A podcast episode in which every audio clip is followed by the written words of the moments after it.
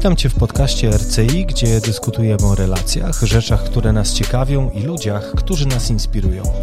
Bardzo Ci dziękuję, że tu jesteś i że razem z innymi osobami tworzysz społeczność ludzi, dla których relacje, ciekawość i inspiracje to coś, czym warto się dzielić.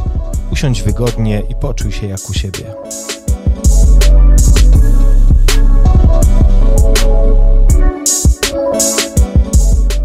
Dzisiejszy temat zrodził się pod wpływem mojej facebookowej tablicy, na której zobaczyłem post jednego z najpopularniejszych polskich trenerów mentalnych, motywatorów i tak zwanych internetowych guru, których to z miesiąca na miesiąc wyraźnie przybywa coraz więcej. Widać to po linkach sponsorowanych, reklamach na serwisach takich jak YouTube, Facebook czy Instagram. Na pewno da się zauważyć, że ludzie potrzebują mentorów, drogowskazów, porad, przepisów na radzenie sobie z problemami dnia codziennego. Potrzebują też motywacji i w tej motywacji upatrują szansy na podjęcie działań, które odwlekają w czasie lub coś ich blokuje. I często są to problemy związane z finansami, z wypaleniem zawodowym, z życiowymi ambicjami, z problemami w związkach, z problemami ze zdrowiem, niezadowoleniem z kondycji fizycznej, psychicznej czy na przykład niskim poczuciem własnej wartości. Pewnie zauważyliście, że w internecie, jak się domyślam też w telewizji, ale tego nie wiem na pewno, bo telewizji praktycznie nie oglądam w ogóle od jakichś pięciu lat, y, roi się od rewelacji typu zjadaj ten jeden produkt przez miesiąc, a stracisz nawet do 18 kg, czy, czy, czy takie artykuły jak Trenerzy go nienawidzą. Znalazł prostą metodę, aby w 14 dni zrobić sześciopak na brzuchu. No, takie rzeczy na pierwszy rzut oka mogą wydawać się śmieszne i niedorzeczne, ale uwierzcie mi, że, że ludzie naprawdę się na to nabierają z wielu powodów. Ktoś może nazwać to głupotą, naiwnością, łatwowiernością.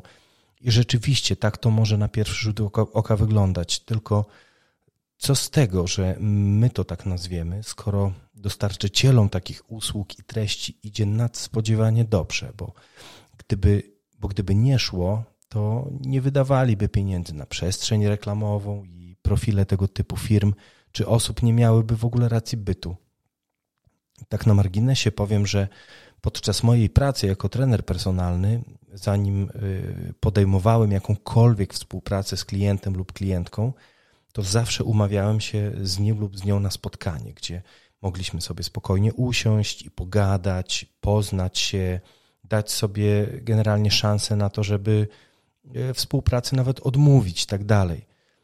Raz w miesiącu spotykałem się też z ludźmi z siłowni na konsultacjach dotyczących treningów, yy, dotyczących odżywiania i zdrowia, i uwierzcie mi, że pytania lub przekonania, które padały z ust wielu tych osób, wydawały mi się tak zdumiewające, że w pierwszej chwili nie wiedziałem, czy robią sobie ze mnie żarty, czy, czy naprawdę nie wiedzą, ale po chwili przychodziło do mnie to, o czym zdałem sobie sprawę już o wiele wcześniej, mianowicie to, że tak naprawdę pytania, na które odpowiedzi mi wydają się zupełnie oczywiste, dla kogoś innego mogą być jak najbardziej zasadne i wymagające czyjejś odpowiedzi lub opinii. Jednym z takich na przykład często pojawiających się pytań, szczególnie u kobiet, jest pytanie, y, czy jeśli teraz zacznę chodzić na siłownię, to czy będę wyglądała niedługo jak kulturystka. No i pytanie zadaje 40-letnia kobieta, która przez całe życie nie uprawiała nawet na miastki żadnego sportu, która ma problemy z wejściem na schody, chroniczne bóle we wszystkich odcinkach kręgosłupa, początki zmian zwyrodnieniowych, daleko posuniętą nadwagę i całkowity brak umiejętności wykonywania podstawowych wzorców ruchowych. Do tego dochodzą bardzo ograniczone zakresy ruchowe, niski poziom tkanki mięśniowej i y, całkowity brak umiejętności wykonywania podstawowych wzorców ruchowych. I teraz tak, bardzo łatwo z pozycji nawet nie trenera, ale osoby, która ma jakiekolwiek pojęcie o tak zwanym e, szeroko pojętym fitnessie, ocenić tą panią jako wyjątkowo głupią, naiwną, czy jak to się ładnie mówi, oderwaną od rzeczywistości. Tymczasem, jeśli zatrzymamy się przy tym pytaniu na chwilę, odłożymy na bok to, co przychodzi do nas jako pierwsze, czyli ocena, i zastanowimy się nad tym, co sprawia, że takie pytania w ogóle padają i co sprawia, że ludzie boją się takich rzeczy, jak y, zamienienie się z puszystej pani w średnim wieku w kulturystkę w formie y, gotowej do wyjścia na scenę. Otóż szybko dotarło do mnie, że wiedza dotycząca hipertrofii mięśniowej, treningu, odżywiania, zmian anatomicznych, mm, wpływu poszczególnych rodzajów treningu na nasze ciało, to jest taka sama wiedza jak każda inna. I jeżeli ta sama pani przychodzi do lekarza, który przepisuje jej lek i pyta tego lekarza, czy po tym leku nie będzie miała zawrotów głowy, to większości ludzi to specjalnie nie dziwi. Dla lekarza natomiast odpowiedź jest tak oczywista, jak dla mnie była na pytanie o zamianę w kulturystkę. Problem w tym, że na świecie jest nieporównywalnie więcej ludzi chodzących na siłownię niż lekarzy. A ta pani ma prawo nie wiedzieć. I może, może ona jest wybitną specjalistką z dziedziny inżynierii kosmicznej, wspaniałą prawniczką lub inną specjalistką, więc zamiast oceniać, pomimo że ciężko mi jest nie oceniać, staram się zawsze odpowiedzieć rzetelnie i szczerze na każde pytanie, a później lubię się zastanowić, skąd takie pytania się biorą. I tutaj w dziedzinie szeroko pojętego fitness i wellness ludzka niewiedza potęgowana jest masą otaczających nas zewsząd bzdur publikowanych przez ludzi niekompetentnych albo starających się zarobić na ludzkiej niewiedzy i czułych punktach. Więc jeśli ta pani codziennie surfując po popularnych witrynach internetowych czy social mediach natrafia na pierdolety typu schudnij 20 kilo w 20 dni, Ćwiczenie, które sprawi, że twoje dziecko za miesiąc zapyta, kto zamienił mamę Wannę Lewandowską.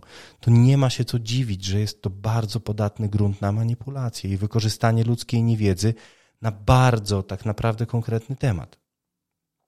Ba, ja uważam, że uważam się za osobę naprawdę ponadprzeciętnie ogarniętą. Wydaje mi się, że nie jestem podatny na manipulację i że jestem mega świadomy i takie tam ale nie do końca tak jest. Wciąż i wciąż uświadamiam sobie, że niemalże codziennie dopadają mnie pokusy, żeby kupić coś, co nie jest mi totalnie potrzebne, a wręcz szkodliwe, tylko pod wpływem jakiegoś tekstu lub filmu, który chwyta mnie za serce albo chwyta moje ego za jaja. Y, po prostu chcę to mieć. Mam jakieś wyobrażenie o samym sobie w przyszłości, które jest totalnie nierealne. I tutaj chcę przejść do clue całego podcastu, mianowicie do zjawiska, które w mojej ocenie jest jeszcze bardziej niebezpieczne niż te magiczne produkty na chudnięcie. I właśnie dlatego, że jest to po pierwsze o wiele bardziej wyrafinowane, a po drugie dotykające naszych naprawdę głębokich, często nieświadomych potrzeb. Mówię tutaj o wszelkiego rodzaju trenerach mentalnych, trenerach rozwoju osobistego czy motywatorach. I pozwalam sobie mówić o tym z takim przekonaniem, ponieważ sam przez praktycznie parę lat z pasją słuchałem wykładów, przemówień, czytałem książki, oglądałem filmy motywacyjne na YouTubie y, autorstwa właśnie takich ludzi, którzy sami siebie nazywają coachami. I ten cały rynek coachingowo-motywacyjny nosi w Stanach zbiorczą nazwę self-help. Nie wiem, czy jest na to jakiś polski odpowiednik, ale tak naprawdę wszystko sprowadza się do takiej koncepcji, że trener mentalny z ekranu telewizora lub z klawiatury informuje nas, co powinniśmy robić, a czego nie robić, żeby odnieść sukces. Żeby dogonić szczęście, żeby zjednać sobie ludzi, żeby być człowiekiem bardziej zorganizowanym, mieć bogatsze życie towarzyskie, seksualne, żeby pozbyć się długów i zarabiać dużo pieniędzy. I tak jak pewnie milionom innych ludzi, mi nigdy nie udało się stosować do wytycznych skutkiem czego była wciąż spadająca samoocena, złość na samego siebie, podwyższony poziom frustracji, zniecierpliwienia, presja upływającego czasu i inne uczucia, które zamiast pchać mnie w kierunku rozwoju, betonowały mnie dosłownie w miejscu. Na całe szczęście dalej dużo czytałem i słuchałem, i w pewnym momencie natknąłem się na przedstawicieli nurtów psychologicznych, dzięki którym zrozumiałem, że te wszystkie życiowe instrukcje mogą być prawdziwe, mogą być słuszne i efektywne. Problem w tym, że nie są to instrukcje dla każdego. I tutaj według mnie leży największy problem koncepcji self-help realizowanej no, w takiej formie, jaka jest dziś popularna. Weźmy na przykład takiego Jocko Willinka, emerytowanego Navy Seala, który bardzo intensywnie udziela się w internecie. I nie tylko przekazuje ludziom, którzy potrzebują życiowych rad, swoje przekonania i instrukcje, jak ci ludzie powinni postępować, żeby być szczęśliwymi. Ukuł nawet takie mm, powiedzenie discipline equals freedom, czyli w wolnym tłumaczeniu na polski dyscyplina prowadzi do wolności.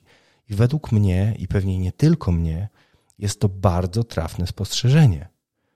No bo rzeczywiście, jeśli postanowię sobie, że będę wstawał codziennie o 6 rano, tak w ogóle to Joko słynie z tego, że codziennie wstaje chyba o 4.30, nawet jego instagramowy fit słynie z tego, że wrzuca on tam codziennie rano zdjęcie swojego zegarka z godziną, o której wstał.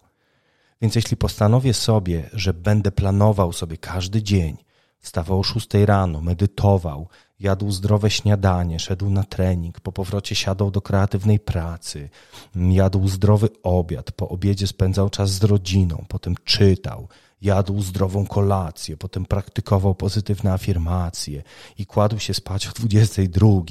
A przy tym wszystkim nie będę się przejmował tym, co mówią inni, będę otaczał się pozytywnymi ludźmi, będę myślał pozytywnie, będę wstawał po każdym upadku, upadku, rzucę pracę, która mnie niszczy i zacznę robić to, co kocham, no to oczywiście, tak? Oczywiście, że prędzej czy później osiągnę sukces. I to jest prawda. Problem w tym, że większość z tych ludzi zapomina poinformować swoich odbiorców o jednej rzeczy, a mianowicie o tym, że to wszystko nie jest dla każdego.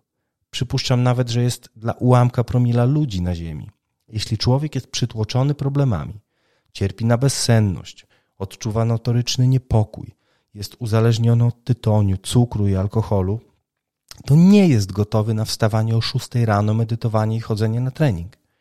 Nawet jeśli ma się to odbywać e, nie tak radykalnie, niestety, taka jest prawda. Ta, według mnie. I uważam, że ludzie powinni poznać tą prawdę.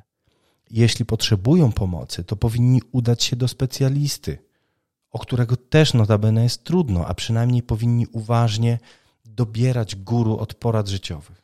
Oczywiście jest na pewno dużo coachów, którzy rozumieją to, że same instrukcje nic nie dają, a żeby wyjść z życiowego bagna, potrzebna jest najczęściej nie tylko praca własna, ale współpraca i wsparcie osób bliskich, specjalistów, odpowiednie warunki otoczenia itd. itp. Każdy przypadek jest kwestią osobniczą. Wczoraj, jak czytałem post, o którym wspomniałem na początku tego podcastu, to uderzyła mnie jeszcze jedna rzecz. Jeden z internetowych coachów, takich naprawdę bardzo sławnych w Polsce, napisał takie zdanie. Nie bój się, bo oddasz kontrolę nad swoim życiem. To ja mam pytanie. Jak mam się nie bać, skoro strach przychodzi sam? Strach to jest emocja, jak każda inna. A odwaga to nie jest brak strachu, tylko działanie pomimo strachu. Czytając nie bój się, rozumiemy nie bój się. Więc co robi człowiek, który chce się nie bać, a strach przychodzi? Czuje porażkę. Przecież miałem się nie bać. Próbuję i mi nie wychodzi. Baliśmy się, boimy się i będziemy się bać. To między innymi dzięki strachowi tu jesteśmy bo dzięki niemu nasi przodkowie mogli na czas spieprzać przed drapieżnikami. I nawet gdy intencja życiowych instrukcji jest najczystsza z możliwych, to ja uważam, że wchodząc w rolę życiowego doradcy, należy wziąć na swoje barki odpowiedzialność za bycie kompetentnym, precyzyjnym i uważnym. Bardzo Wam dziękuję za wysłuchanie. Jeśli macie jakieś opinie i spostrzeżenia, to będę ogromnie wdzięczny, jeśli podzielicie się nimi ze mną yy, na kanale RCI na Facebooku. Dziękuję, że jesteście i do usłyszenia.